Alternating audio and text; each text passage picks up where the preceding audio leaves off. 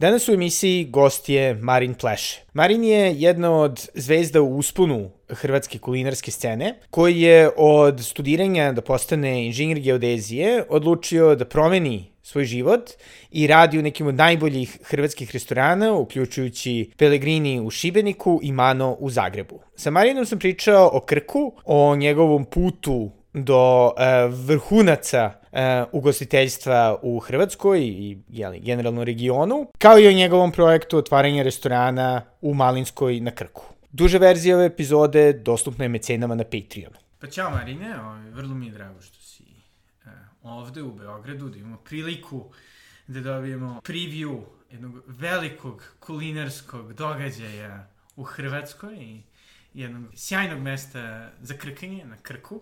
Pa da, kako si odlučio da ovaj, pokreneš svoj novi restoran? Du, dugo mi je bila želja postati e, šef kuhinje, nekako od kad sam krenuo raditi u kuhinji, to mi je ono bila, bila full ovaj, veliki san i nekako ovaj, uvijek sam razmišljao o tome da to bude na krku, da, mm, da, da se širi ponuda gastronomska na krku, da se razvija da možda na taj nekakav način ovaj, malo inspiram i druge ovaj, svoje surađane, suotačane, da im dokažem da se ipak može nešto kvalitetno pored one klasične turističke ponude koje imamo, da se ovaj, razvije, razvije malo taj krk, da dođe na nekakvu mapu ovaj, gastronomsku Hrvatske i šira možda regije. I zapravo ovaj, to je prilika da budem šef kuhinje u tom hotelu Vila Rova na, na Malinskoj. U Malinskoj je došla dok sam radio u restoranu Mana u Zagrebu. Kontaktirali su me zapravo ljudi, vlasnici restorana i hotela koji zapravo funkcionira već dugo godina, od 96. taj hotel ovaj, otvoren. Oni su nekako željeli isto, istu viziju smo dijelili da treba jedno mjesto biti koje će biti malo onako izlog svega što klička gastronomija može ponuditi. Zapravo smo se složili tako i ponudili su mi tu poziciju. Prihvatio sam je i evo od prvog četvrta krećemo, već smo u, ovaj, u, pripremama za to, cijelu zimu ovaj, radimo. I kako izgleda uopšte priprema otvaranja tako ambicioznog projekta? Prvi put tako, sam u takvoj situaciji, tako da nekako nagađam šta bi moglo biti. Ne, nije, nije nešto šta uh, sam siguran da će, da će funkcionirati, ali uh, nekakvim svojim prijašnjim iskustvima i, promatranjem drugih lokala u kojima sam radio i drugih lokala koji uspješno rade, smo krenuli s nekakvom pripremom uh, prvo znači pronalazak uh, ljudi u kuhinji, u servisu, Eh, zatim optimizacija kuhinje, same prostora kuhinje, aparata, eh, naručba nekakvih novih pećnica, miksera, sve što je potrebno za, za kuhanje na tako visokom nivou. Sljedeće je bilo zapravo izrada nekako, nekakve web stranice na kojoj će se moći raditi online booking, znači izrada kompletnog eh, Uh, web uh, servisa za rezervacije koji će nam isto optimizirati uh, dolazak gostiju, da nam ne dolaze svi odjednom, nego da bude tokom večere kroz 3-4 sata kad ljudi dolaze, da dolaze postepeno kako ne bi bilo opterećenje na, na, na konobare i na, na kuhinju samu, kako bi uspjeli tokom cijele večere održati nekakav isti kvalitetu i konzistenciju. Sljedeće je bilo napraviti nekakav PR, marketing plan, e, da ljudi zapravo šta na krku, šta šire i ljudi koji prate nekakvu kulinarsku scenu u Hrvatskoj e, znaju da se nešto otvara novo, da nekakav ambiciozni projekt postoji. Tu sam iskoristio svoju suprugu koja je ovaj, dugo radi već u L'Orealu, u marketingu da napravimo nekakav plan uh, izlaska obavijesti kao preliminarni nekakav press release u 11. mjesecu koji je bio pa sve do, do finalnog ovaj, izlaska, znači u trećem, četvrtom mjesecu kad bude pred otvorenje restoran da, ide na, na, na, više, na više strana. U sve to cijelo vrijeme pokušavam uh, naći zapravo neke manje proizvođače, ribare, uzgajivače s kojima bi se mogao povezati da nudimo, pošto mi je ideja stvarno da koliko god je moguće koristim lokalne proizvode, e, da se s njima povežem, da, da se uspije uspostaviti nekakva suradnja, nekako povjerenje dugoročno, da zapravo ljudi koji se bave s tim isto mogu živjeti svoj san ono, i da dugoročno to funkcionira. I tako da puno ideja ima, e, na puno frontova se radi i između ostalog nekakva linija posuđa sa, sa, sa jednim malim ovaj, studijom keramike isto u planu da nam, da rade ovaj, tanjure. Iz Hrvatske? E, baš sa Krka, baš sa Krka, kolegica iz osnovne škole ovaj, završila nešto sasvim drugo. Iz hobija je krenula e, baviti se keramikom i od uvijek sam joj govorio da će jednog dana, jednog dana će biti jedan restoran i prvo ću tebi doći ovaj, da, da probamo napraviti nešto. Tako da ona isto jako zagrizla ovaj, tu i Cats Clay se zove studio, Katica Orlovčić je ovaj, djevojka. I sad, eh, evo, ona je zaposlena i čekam nekakav prvi, prvu verziju, nekakvu ovaj, tanjura da vidimo kako će to izgledati.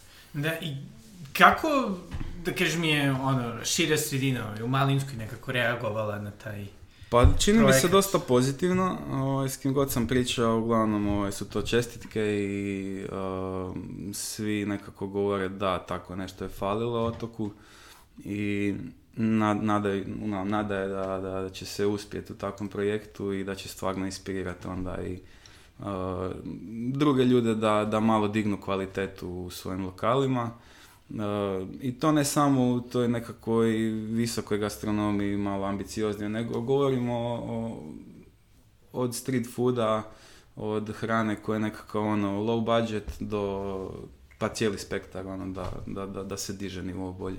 Sam si jeli kad si pričao o svojoj budućoj saradnici, ovaj, Katici, mm -hmm. e, kako ona isto krenula iz nečeg drugog, ti si isto krenuo iz nečeg skroz drugog. Da, ono, Studirao da, da. si geodeziju, zapravo si master geodezije. Jesam, da, završio sam geodetski fakultet, prve tri godine u Zagrebu i onda master u Sarajevu.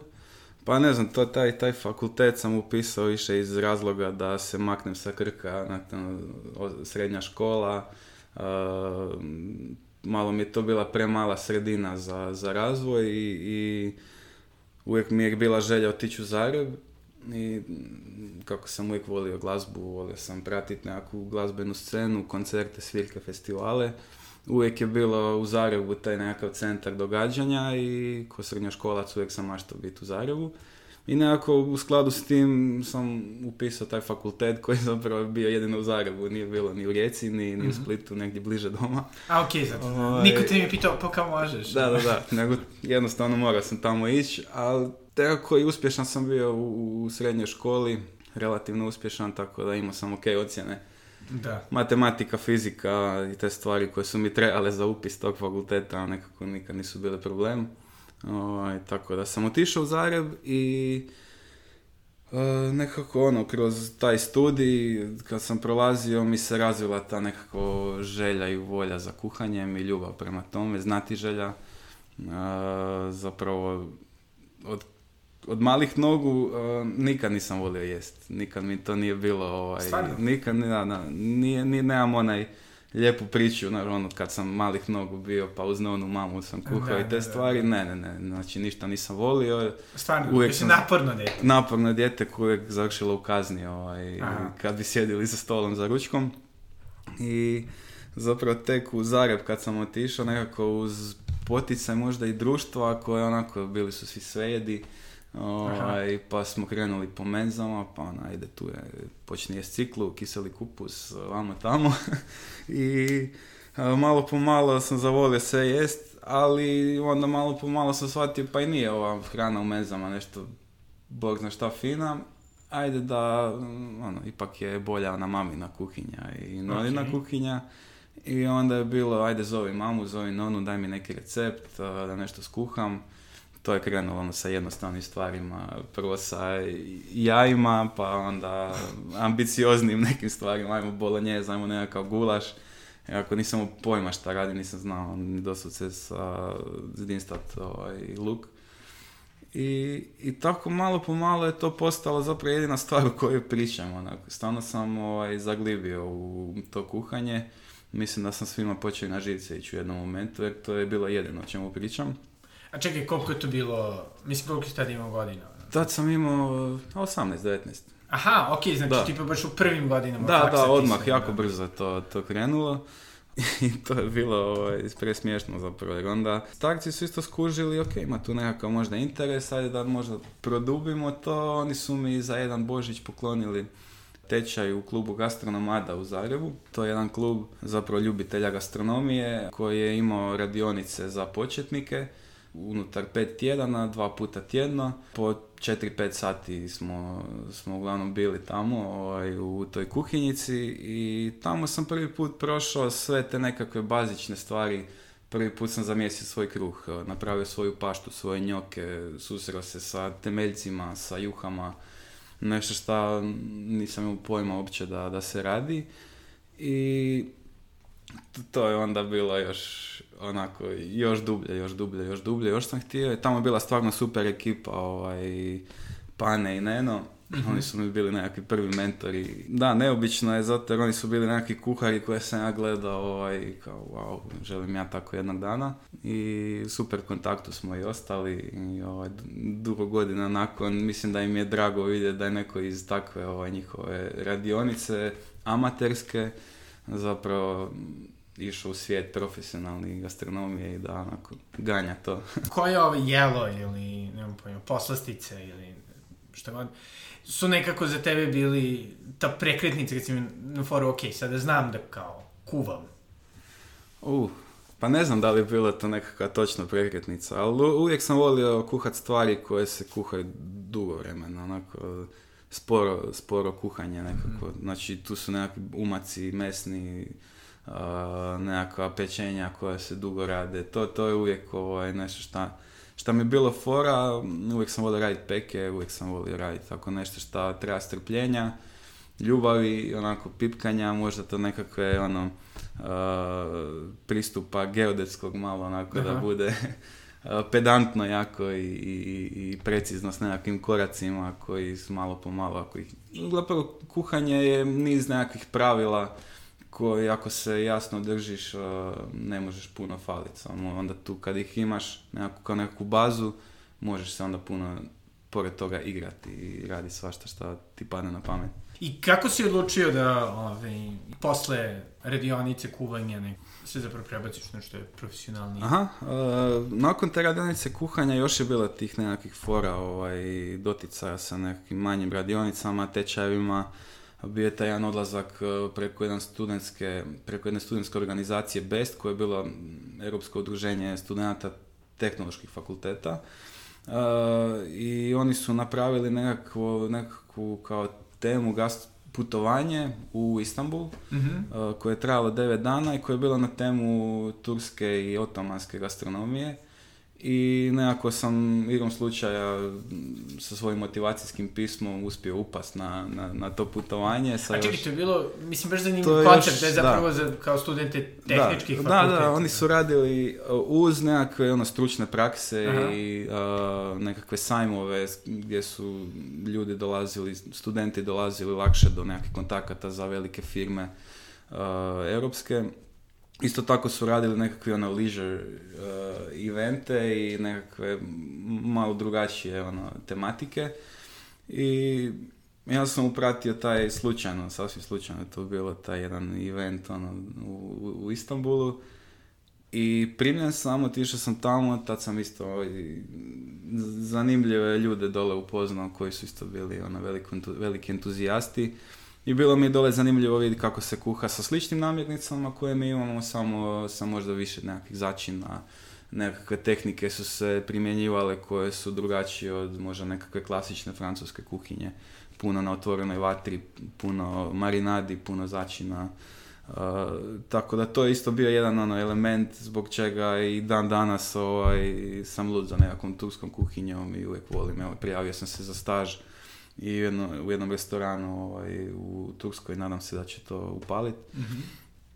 I ovaj, nakon toga gdje god smo zapravo putovali, pogotovo sa, sa svojom tadašnjom djevojkom, sadašnjim suprugom, uvijek je bilo gledanje ono gdje ćemo otići eh, na nekakav tečaj kuhanja, eh, otići na nekakvu pijacu, nekakav show cooking, uvijek je bilo vezano za, za, tako, za gastronomiju i za hranu i jednostavno sam se zapalio skroz mhm. i malo po malo došao sam do kraja tog fakulteta, pisao sam diplomski rad i na svom laptopu dok sam pisao rad sam vidio na, na, na Facebooku natječaj za posao kuhara u Pelegriniju. Aha.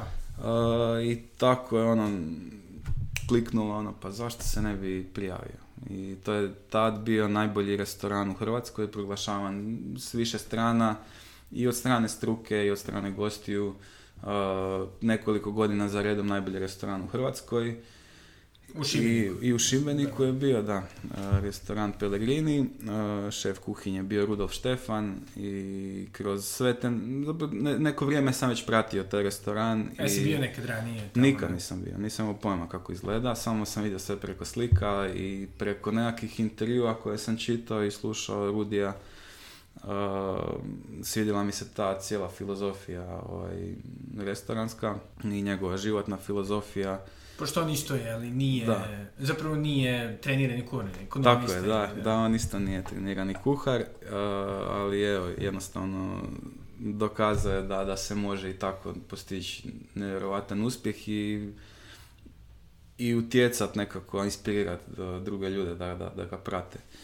I tako sam se ja prijavio zapravo na, na, na, na, taj, na taj posao bez imalo e, radnog staža u kuhinji profesionalnoj. napisao sam CV i motivacijsko pismo preko noći doslovce, posla odmah sljedeće jutro. To je bilo ono ljubavno pismo restoranu koje je počelo sa moja draga Konobo. Ovaj, I mislim da tako ljubavno pismo ni, ni supruga neće nikad dobiti. Ovaj. kako sam složio na dvije stranice i jednostavno valjda to nije moglo proći nezapaženo kod, kod, kod ljudi dole. E, nakon toga sam pozvao na razgovor za posao, iza toga na probni rad, četiri dana. I, to je bilo u toku pretpostavljene sezone ili u To je bilo zapravo predsezoni, to je bio drugi mjesec, 2018.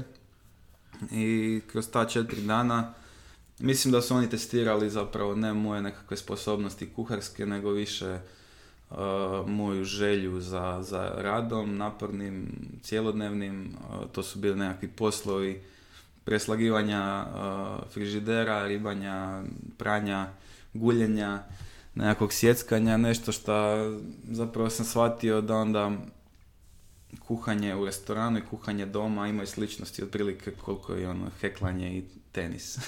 Jeli? Ali svejedno toliko me to cijela taj, ta, ta dinamika i cijeli taj ambijent tog restorana i ljudi koji rade tamo koji su toliko imaju znanja tehničkog o, o kuhanju jednostavno totalno me obuzalo i nije, bio uopće problem stajati na nogama tolike sate, biti tamo cijele dane Uh, jednostavno to je to. To, to. Time se želim baviti i čekao sam taj poziv nazad. Nakon par dana su me zvali ovaj, ako bi počeo raditi. To je bio prvi dan, radni je bio prvi treći, 2018. I roditelji su me ovaj, s autom dopeljali do Šibenika, skrka Krka do Šibenika. Eh, I prvi dan radni restoran je dobio Mišelinu u zvijedicu. Aha, ok, dobro. Znači, znači donio si im Prvi radni dan, da, to je bilo nevjerojatno veselje njihovo, ja sam upao tu ko padobranac, ali i ovaj, totalno nestvarno mi je bilo, otvarali su se šampanjci, nazdravljalo se, ono, slavilo se. O, ovaj, I bilo mi je nevjerojatno da ću sad nadalje biti dio te priče i da, da sam uspio nekako doći, doći do toga. Tako da je to bilo, to je bilo stvarno nezaboravno iskustvo. I kakve je bila reakcija ljudi o, iz tvoje okoline kad si rekao kao, ok, geodezija je cool, ali kao, da.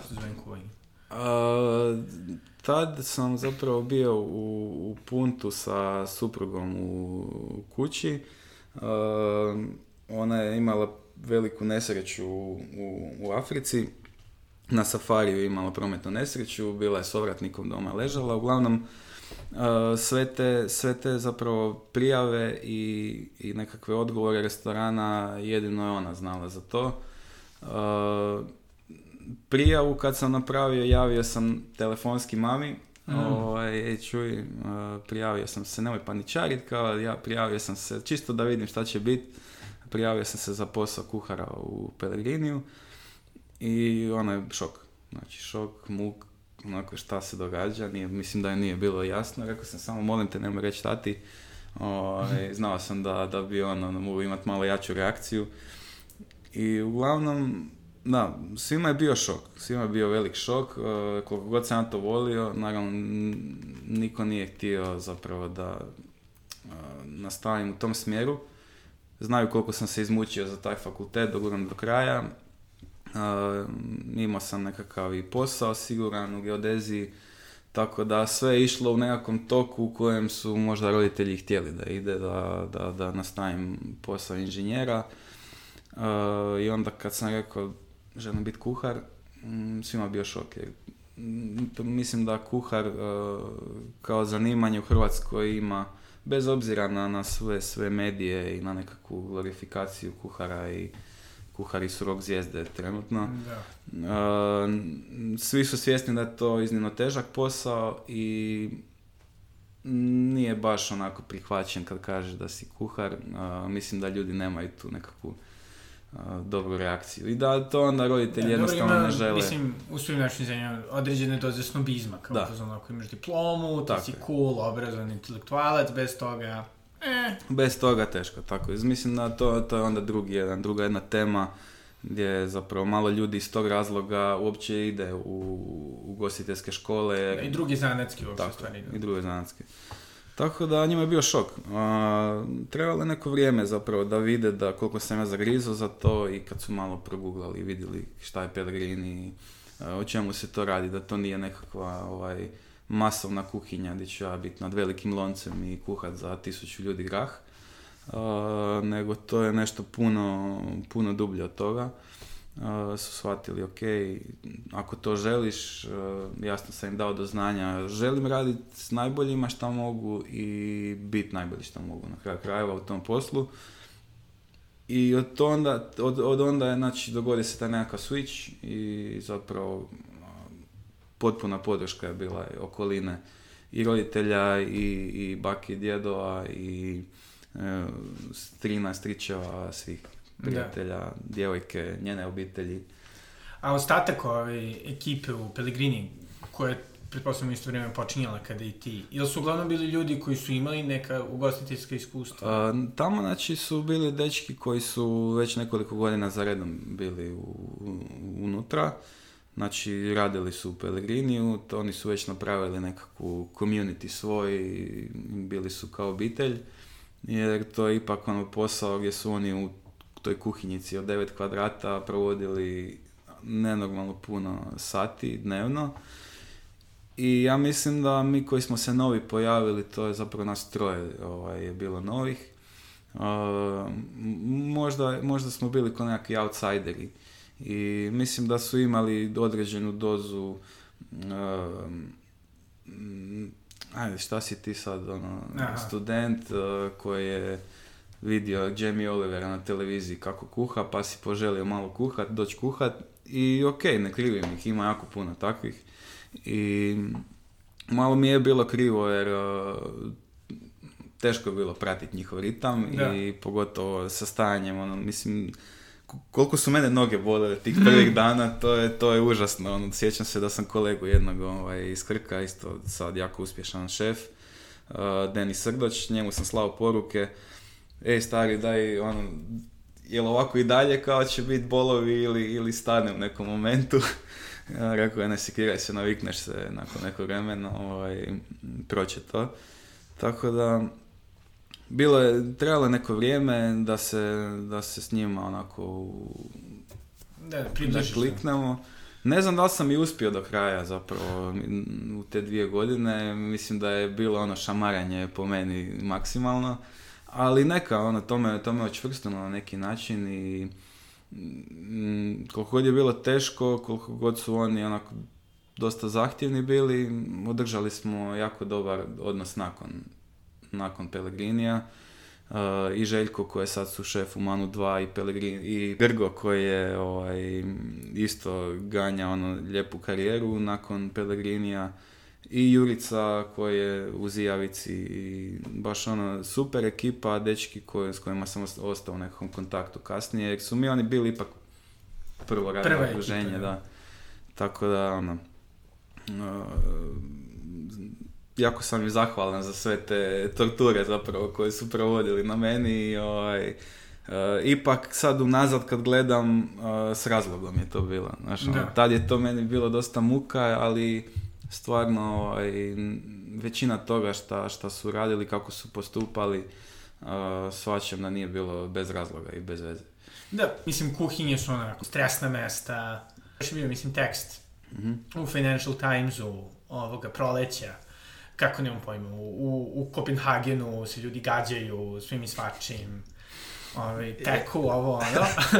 što siguran sam da se nije desilo, ovaj, ako, ako slušaju Dukati za ovaj, Ma nema, mogu, mogu ispričati sve ovaj, do neke granice. Eh, ne, sve to još uvijek, ono, ne prelazi nikakve ekstreme. Eh, ali kuhinja je nekakva kombinacija dječjeg vrtića i vojske. Baš je Uglavnom, svi smo onako hrpa nekakvih entuzijasta, i, ali uglavnom izmorenih, nervoznih, uh, nenaspavanih entuzijasta koji vole taj posao, ali onako izbaci ih iz takta često mm, ili, ili gosti ili nekakvi zahtjevi gosta ili, onako...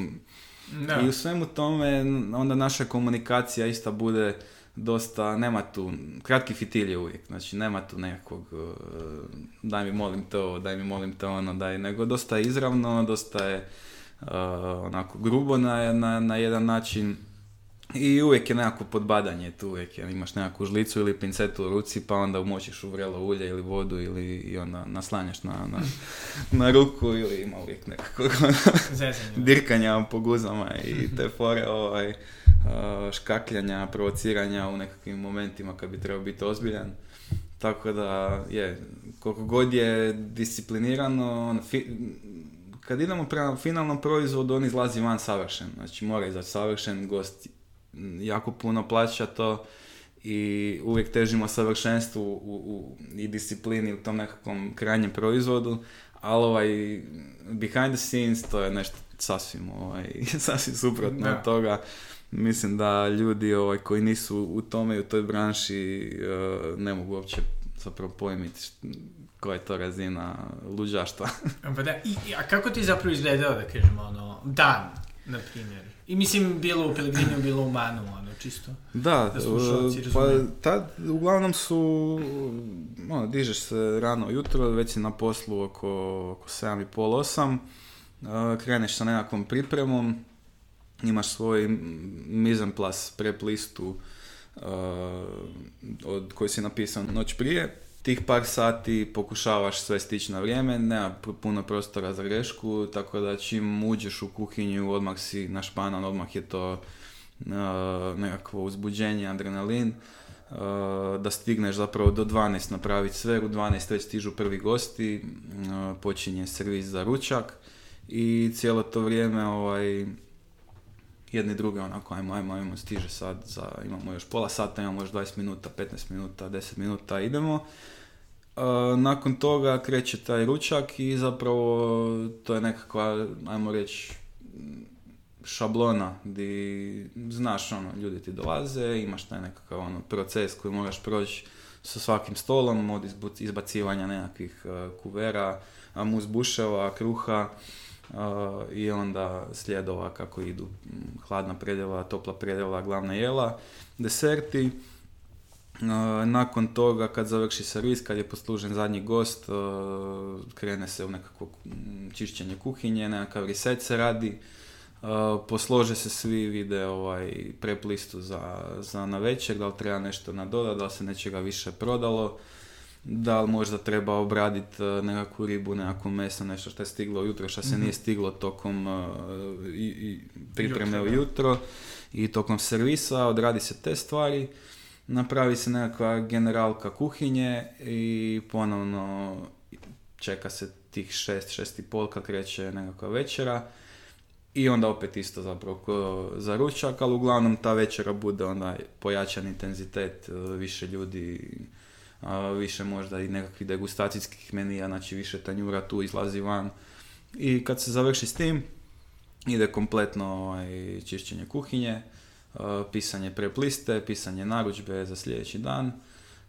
Nakon toga, ako neko ima volje, odemo popiti pivicu, sjest u parkić pet minuta, ispričat šta je bilo i to je to idemo spavati, ideš spavat, nakon 5-6 sati sna, mm, ako, pa imaš, ako imaš sreće, ovaj, se vraćaš i ideš ponovo u isto. da, da. li postoji jedan trenutak kad si bio na foru kao, ok, kao dižem ruke od ovoga, ili kad si mislio, ok, sad ću biti otpušten, kao će Uh, pa nisam nikad mislio da ću biti otpušten, jer uvijek sam dao stvarno maksimum od sebe i, i uvijek sam pokušavao da ne zajebem, pardon. Da, pa dobro. Da, da ovaj, ne zeznem. Uh, jako događaju se greške, pokušavaš da se ne ponavljaju često. E, pokušavaš, pogotovo meni koji sam bio nov, e, da ipak imam, imao sam puno pitanja na početku, A sam trudio se ne ponavljati pitanja, nego mhm. stvarno ako, ako mi neko nešto kaže, pokušao sam to zapamtiti da se od sebe da ne moram gnjaviti stalno ljude povlačiti za, za, za, rukav. Ali često se događalo da sam sebi dođem onako, pa jel mi ovo treba u životu? Ono, bila je situacija di, ne znam, čistiš sifon, vadiš ono, sva moguća smeća šta je tokom večeri voda odnijela u, u taj odvod Eh, čistiš napu, pun si čađe, ono, do, do, mhm. do, od glave do pete, filetiraš ribe, nabadaš se na to, škampe čistiš, sve su ti krvave ruke i misliš si ono, ja mi stvarno treba u životu. Ovaj, ono, imam titulu da. inženjera geodezije, mislim. da, da, kao živjet ću ok bez ovoga. Da. Može, bit će mi dobro i bez ovoga. I... Pritom, kontom, mislim, i, financijski nije sad... I financijski, pogotovo u početku, je, da, nije najbolja situacija. Ali jednostavno, ono, dođem doma i skužim da, ono, na kraju dana uvijek sam odlazio zadovoljan spavat, ono, i uvijek sam odlazio, ono, sa nekakvim... Tako da napravim bolje to sljedeći dan kako da si optimiziram vrijeme, kako da si optimiziram, rad, optimiziram radni prostor, kako da... Imao sam taj pristup zapravo kod svakog zadatka koji sam radio. Da li je to bio sjeckanje luka, da li je to bilo uh, čišćenje radne površine, daske, ono, uvijek, uvijek sam razmišljao kako mogu uh, s još manje pokreta možda to napraviti, kako mogu ovaj, da mi bude još urednije, kako da... Znači, stalno i u najmanjim poslovima, najjednostavnijim poslovima koje bi neko možda odrađivao uh, automatski, robotski, nekako sam tražio kako da budem bolji u tome. Tako da mislim da ta nekakva radna etika ovaj, mi je omogućila da ta nekakav pristup mi je omogućio da možda relativno brzo napredujem i dođem do nekakve prilike da postanem šef kuhinje u tako kratkom roku. mislim, pet godina je ništa u gastronomiji i još uvijek i zbog toga nekakvog ono, brzog napretka kroz sve te pozicije i stanice imam taj možda ne bih rekao ono, sindrom manje, manje vrijednosti, nego možda ono, uh, imposter syndrome. A, da, da, da, da, okay, da će te neko, da. da. kad tad uh, da nisi dovoljno dobar ipak. Znači, ono, I to, to nešto sta, onako stalno me kad god dođem na novu poziciju i kad budem neko vrijeme na njoj, mislim si ja sad će me neko razotkriti, ono, ipak nisam toliko dobar koliko mislim da, da, jesam možda. Da, da, da, da. Ili što neko drugi misli da jesam. E, tako da, da, te situacije nekakvog otpuštanja od drugih nije bilo, mm, ali sebe sam često dovodio do, do, ruba da, no, fuck it, idem čat, dosta mi je. Baš sam juče gledao sjajan film, zove se The Pig, možda si čuo. Ovaj, ne. Sa Nikolasom Cageom, onako, ceo film kad se ujašnjava zvuči kao da se radi o Johnu Wicku, ali samo sa prasetom i sa Nikolasom Cageom umjesto. A, John Wicku Da. ali nije zapravo, ovaj, radi se o tome da je Nicolas Cage bio ovaj, veliki šef u Portlandu, koji je onda posle neke lične tragedije odlučio da se izoluje od sveta i jedna od scena je gde on dolazi u taj neki restoran koji je sada izrazito popularan, gde radi njegov bivši kolega koga je on otpustio jer je smatrao da nije dovoljno dobar. Jeli, to je vrlo onako ambiciozan restoran i on kao priča tom svom kolegi sada, jeli, ovaj, upravniku, šefu, kako eto, kao u fazonu, kao ovo jeste hrana, ti se ovde cimaš puno, ali kao ovo je samo hrana, većin ljudi, ovih ljudi zapravo samo ovde, kao da bi rekli da su bili, zapravo ih ništa ne interesuje. Mislim, na neki način moguće imati izrazito nihilistički odnos prema... A da, možeš ovaj... Da, tako možeš imati pristup zapravo, ono, nisu, ljudi tu su došli jest, ono, nije, nije da si doktor da ti posao, ono, ovisi da li će neko preživjeti. Da, da. Znači, zapravo ta razina stresa neku koju stvaramo sami sebi Eh, i te nekakve rokove za isporuku tih jela unutar minute, unutar dvije minute. To je zapravo, je, željni smo nekakvog dokazivanja, uh, pogotovo na takvoj razini, ovaj, jednostavno ljudi puno plaćaju to, ta, ta, ta jela, ta... da, to bi mogli, da ih isto plaćaju tipa pet puta više, mislim, na nekom nivou.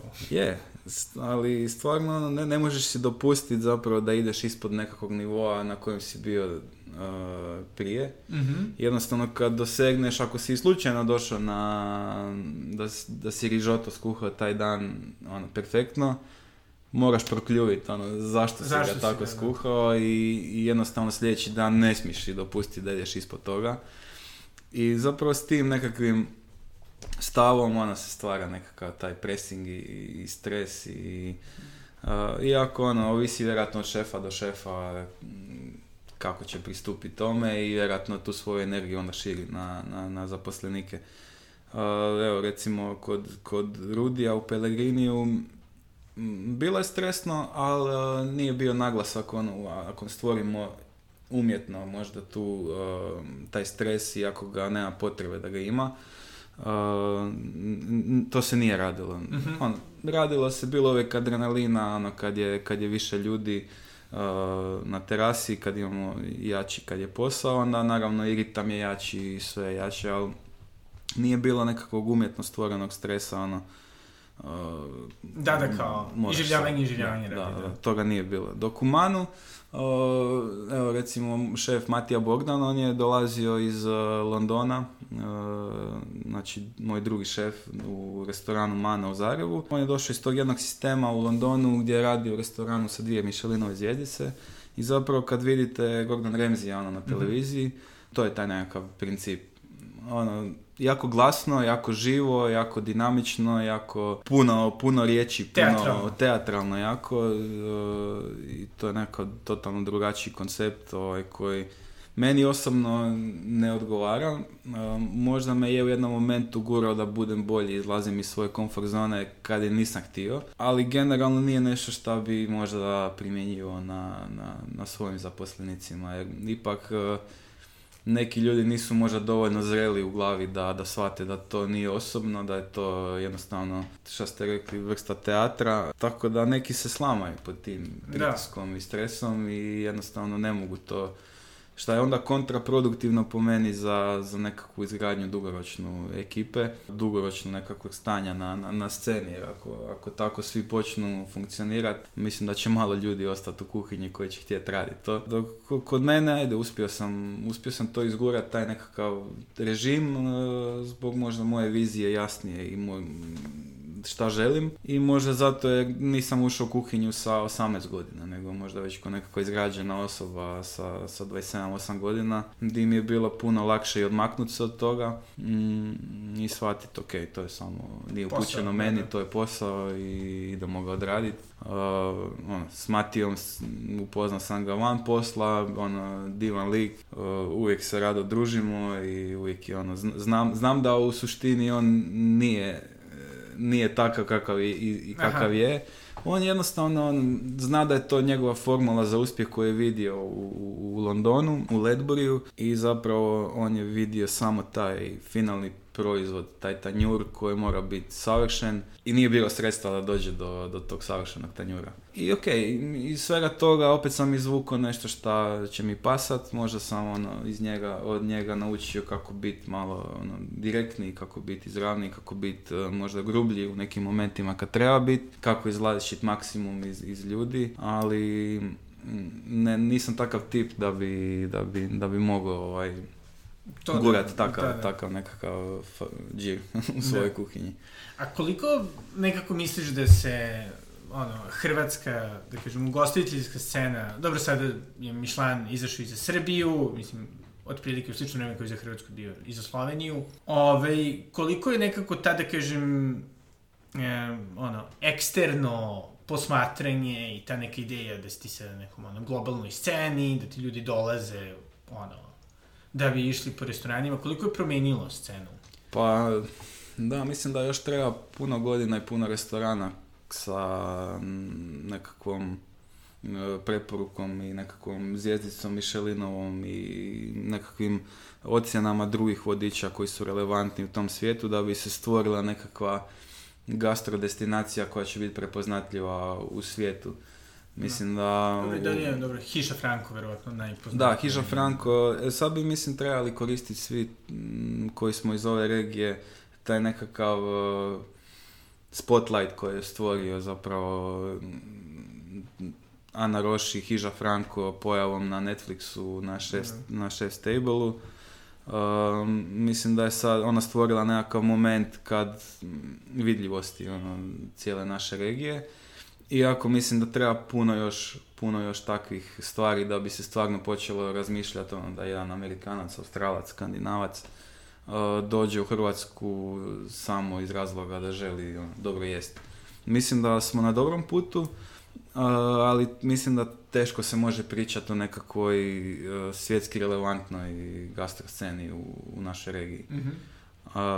Ali definitivno koristi to pojava Mišelina, ono prvo u Istri kad se pojavio, pa onda u ostatku Hrvatske, zatim u Sloveniji, pa u Beogradu, definitivno koristi, ne može, ne može odmoći na toj nekakvoj globalnoj razini.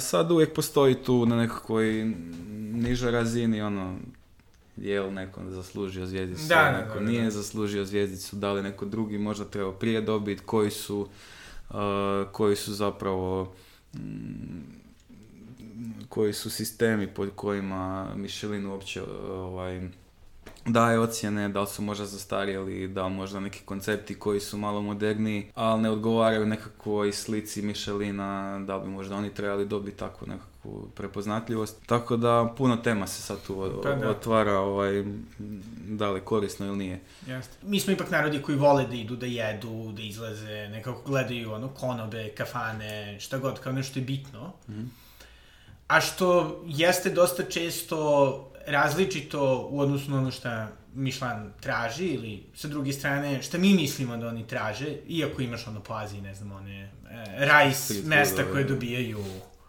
ovi zvezdice.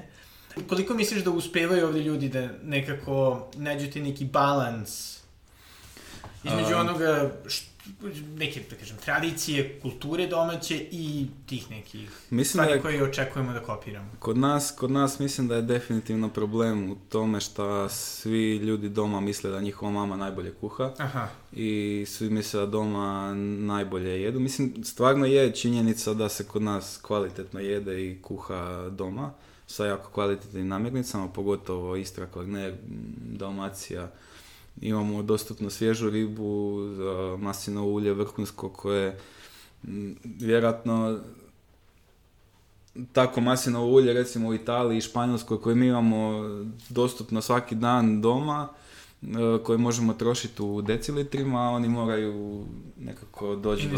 Da, investira da bi došli a pogotovo u Skandinaviji. Ono, Tako je.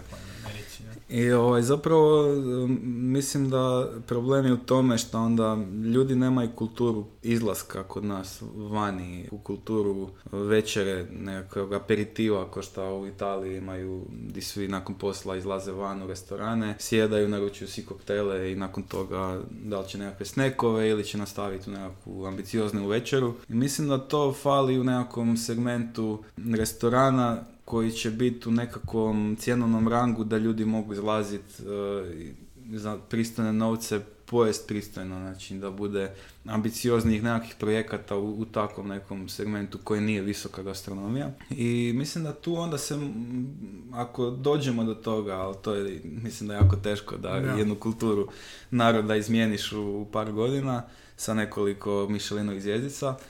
Ako ovaj, uspijemo doći do toga, onda će se možda stvarati ko šta je u Japanu, ko šta je u, u Aziji, možda u Južnoj Americi, takvi nekakvi objekti koji će imati izvanrednu kvalitetu, a zapravo će biti nekakvi štandići, nekakvi pop-upovi, nekakvi da. bistroji koji će možda dobiti prepoznatljivost ono, i nekakvu ocjenu Mišelina i Gomiljoa ili tako nešto. Tu ti se baš trudiš da nekako afirmišeš kuhinju sa krha, uopšte hranu sa krka. Ako bi mogao čisto možda da ono, približiš slušalcima šta su najveći specialiteti na krku? Da, specijaliteti na Krku definitivno to je uvijek e, od tih nekakvih vrhuskih proizvoda koji se koriste u, svijetu, u gastronomiji. E, su masinovo ulje, uh, nekakvi ovči sirevi koji su jako kvalitetni. Od samih namirnica tu je kvarnijski škamp koji je jedan od najboljih na, na, na svijetu, svježa riba. Imamo znači janjetinu krčku koja je uz pašku janjetinu i cresku janjetinu, no, paška janjetina je puno e, više iskomercijalizirana i puno marketinški bolje odrađena. Jednako kvalitetnu janjetinu imamo mi na krku. E, jako je zapravo puno divljači na otoku, što nekako je zanemareno, a mi zapravo redovito se hranimo dole sa divljači, sa veprovima. Aha jer ih ima jako puno na, na, na, na otoku, ali evo, recimo nikad nisu zaživjeli u restoranima, nikad uh, nisi Kao vidio... Ragu, sa... ragu i bilo kakav oblik, ono, mm. vepra divljači na otoku, više se to veže za kontinentalnu Hrvatsku. Aha. Evo, pravite, ne znam, kobasice od da, da, može se kobasica, tu se onda radi kombinacija nekakva sa, sa svinjetinom. Da, uvijek su tu isto u džiru pršuti, domaće kobasice, to se sve uvijek radilo ovaj, na, na otoku. E, mene ono u, restoranu će zani, zanima me zapravo da guram to u smjeru. Glupo mi je više pričat lokalno i sezonski, mislim da, to treba biti jedan standard koji jednostavno trebamo svi poštovati i da ispod toga ne smijemo ići. E, ali jednostavno afirmiranje tih nekakvih možda izgubljenih namirnica ovaj, koje se možda vraćaju na scenu kroz nekakve bio i bio proizvode, ono, ječam, e, helda, e, nekakve alternativne žitarice koje ovaj, vole, ono, su cool. A zapravo ljudi ne shvaćaju da se to jelo ono, u Austro-Ugarskoj još i da se to... Ovaj, i uglavnom bila hrana za sirotinju. I bila hrana za sirotinju i za svinje. Da. I, ovaj, I bila je široko dostupna, mislim, cijeli, cijeli otok je bilo uglavnom nije bilo maslina. Nije, bilo je maslina, ali ne u, u, u, količini koliko ih ima sad. nije bilo vinove loze, trala je vodu Znači, bilo je puno više kulturi, ono, koje što je kukuruz, koje je puno lakše uzgojiti. Bilo je takvih nekakvih žitarica koje su se zapravo totalno zatrle, ono, i nema ih više i ne koriste se u nekakvoj otočkoj kuhinji. To bi volio vratiti, pogotovo ovaj, jako me interesira mogućnosti kuhanja sa žirom koji je zapravo jedan od simbola moje općine i mjesta iz kojeg dolazim, iz Malinske. Tamo je, znači, sama općina se zove Dubašnica, po hrastu Dubnjaku i tamo je, znači, simbol naše općine je žir. I zapravo bi mi bilo jako zanimljivo istražiti mogućnosti žira i upotrebu njegovu u gastronomiji. Taj način sam se zapravo jako dobro povezao sa kolegom kuharom Vanjom e, Puškarom tu iz Beograda, koji je već počeo raditi na neki način sa žirom, i s proizvodima od žira. Tako da smo, ovaj, istom prilikom sam i došao tu u Beograd. E, evo, baš jučer smo išli na, na, na mhm. Kosmaj e, kod doktora jednog koji proizvodi brašno od žira da ovaj, počnemo uvoziti u Hrvatsku. A, super, super. I, ovaj, I malo da se raspitam da ono, tehnologiji kako se može to proizvesti ono, od nule, e, koji uopće bi žir bio ono, pogodan i za, za, za, za, proizvodnju i mislim da sam na nekakvom dobrom putu i dobrom tragu da, da možda nešto se tako proizvede ovaj, u, na krku. Da. Vidjet Isto mi interesuje ovaj, koliko postoji te neke sradnje ajde, u okviru Hrvatske ili kažem, šire, šire regije među kuvar ima Pa ima suradnje, to naravno ovisi jako puno o karakteru samog, samog kuhara, neki ljudi, neki kuhari jednostavno ne vole i ovaj, takve suradnje vole držati se svojeg i pići svoje. Dok meni uvijek e, volim taj networking, volim upoznavanje novih ljudi, volim čuti iskustva drugih kuhara. Mislim da je to najbolji način i za širenje nekakvih uh, svjetonazora i samo razmišljanja o kuhanju i pristupa.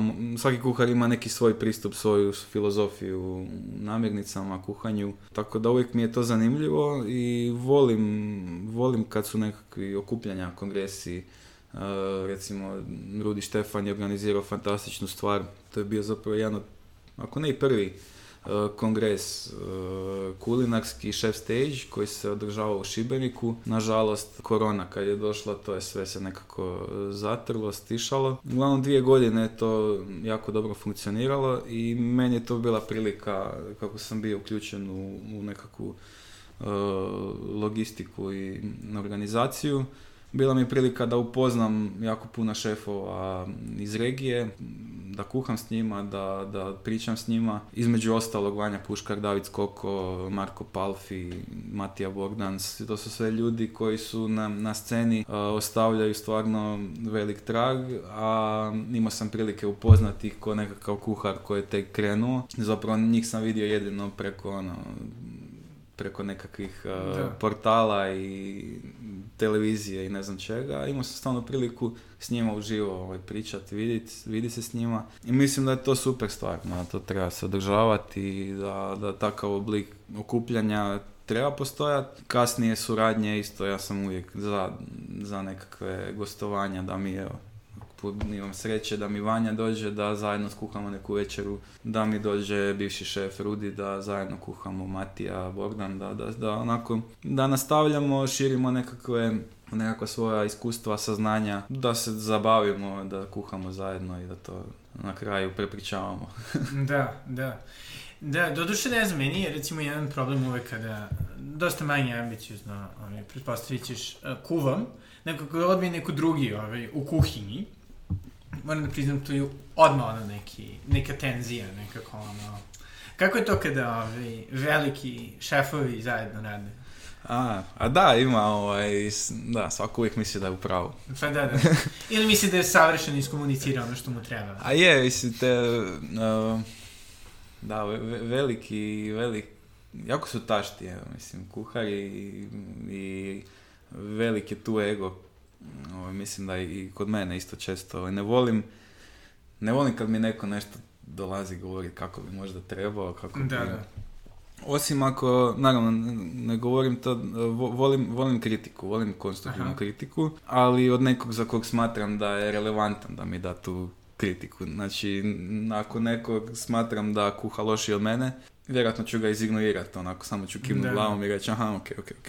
Ali ako je to neko koga smatram da je, da je vrijedan, da, onda, onda, onda volim, onda da, da volim. A što se tiče recimo kritike od e, Ha, mislim, ona, ona, ona, gosti uvijek u pravu, mislim da je to totalni bullshit, ali ovaj, naravno treba slušati goste, e, ali opet do neke granice, mislim da neke kompromise treba raditi, e, da se možda ugodi gostu.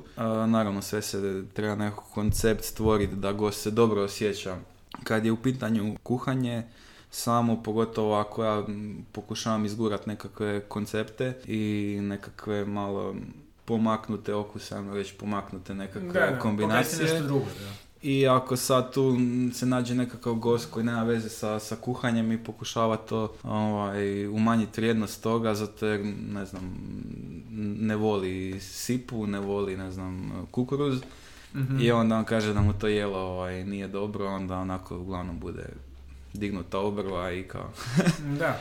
Mislim, što misliš da je dobro, ajde, iz tvoga aspekta ovaj, kod uopšte bilo kakve restoranske kritike?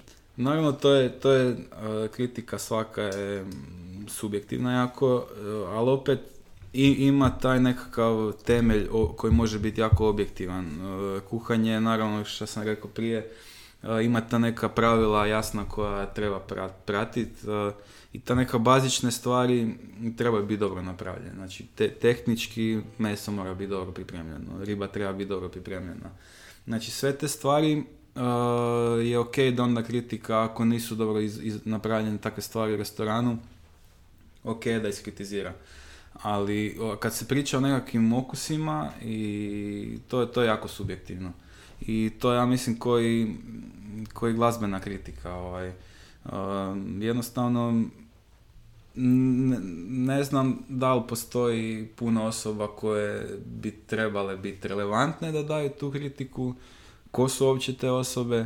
Naravno ima nekakvih portala i, i ljudi koji, koji su uspjeli u, tom mhm. nekakvom segmentu i postali su relevantni, ljudi ih čitaju i uglavnom ih prate.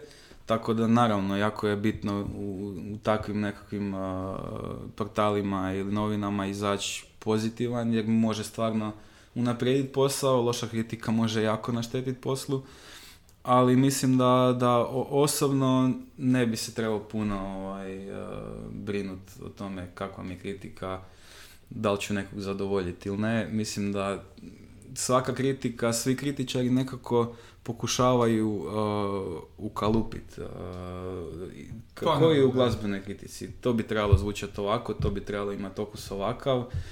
I na kraju se stvara, stvara ta nekakva ono Eh, odvajanje po nekakvim žanrovima i stavlja se u ladice, ovaj, mislim da je, da je glupo. Zašto ne bi recimo ja imao nekakav fine dining, ajmo to tako nazvat, eh, restoran u kojem nema vinske karte, u kojem eh, je servis totalno casual. zašto ne bi bilo takvih nekih stvari, ono, nego često se događa a ovaj restoran ima super hranu, ali jako mu je loša vinska karta, a mu sad dat e, minus tri. Da. tako da ja sam u, uglavnom uvijek protiv bilo kakvih tih ukalupljivanja i stavljanja ono, u ladice, zato i mrzim isto taj, taj, taj pojam fine dininga, mislim da zapravo ga u Hrvatskoj pravo ni nema e, i totalno je krivo, ovaj, krivo protumačen, to je postalo nešto što dobilo konotaciju za nešto što je zapravo mala porcija koju si skupo platio. Sa nekakvom kremom, nekakvom pjenicom, nekakvom posteljicom i jako pretenciozno zvuči. I ovaj, zašto da se onda ukalupljujem u, tako nešto? Kad me pitaju kakav koncept hoću u Willi Rovi, uh, uglavnom izbjegavam pričanje o nekakvom fine diningu i uglavnom želim reći želim kuhati ukusnu hranu. Pa da. koja će biti e, možda drugačije prezentirana i koja će izazvati nekakvu možda reakciju kod gosta e, koja će biti prezentirana na način kad je gost dobije na stol da gost ne može ostati ravnodušan već na, na, prvu, na prvu kad vidi taj tanjur i, i to je to sad, da li će neka kritika reći da e, njemu nije dovoljno ljep tanjur, nije mu dovoljno pasao njegovom ukusu. Da. Njegov problem. Ali generalno mislim da ako si kvalitetan, da i pored te nekakve kritike ljudi će prepoznati tu kvalitetu, naće se nekakav, ovaj, e, nekakav neka skupina ljudi koja će te pratit, koja će dolazit, preporučivati drugima i da ćeš na kraju imati dobar posao. Tako da. Da, da. Samo treba biti ono, ok, pošten i fair i, i dat nekakav ono value for, for money. Ono. I šta bi rekao nekome ko, nemam pojma, da sedi i sluša ovo na sredi svoje karijere ili na početku neke druge karijere i kaže bi baš voleo da se bavim kuvanjem.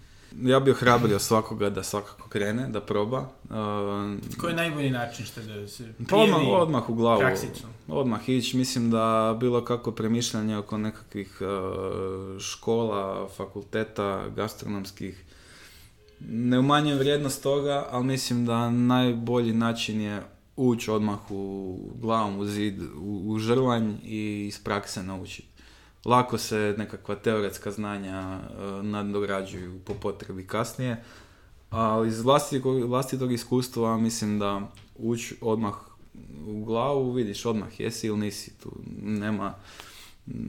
Ako, ako ti ide, osta, opstaćeš, ako ti ne ide, brzo ćeš jako saznat, taj posao možda nije za tebe, vratit se nekakvom originalnom zanimanju ali eh, rekao bi svakome da se definitivno hrabri, da stostruko se vraća ono u, uloženo, ali neće definitivno biti. Ako je to nekakav posao nova moj, eh, ima uvijek izazova, ima uvijek uspona i padova, neka se ne očekuje da će biti smooth sailing ono, do kraja, eh, koji svaki posao ima, ima svoje prednosti i mane i samo hrabro i kad je u, u tim teškim momentima vratiti se nazad i nastaviti. I to je to.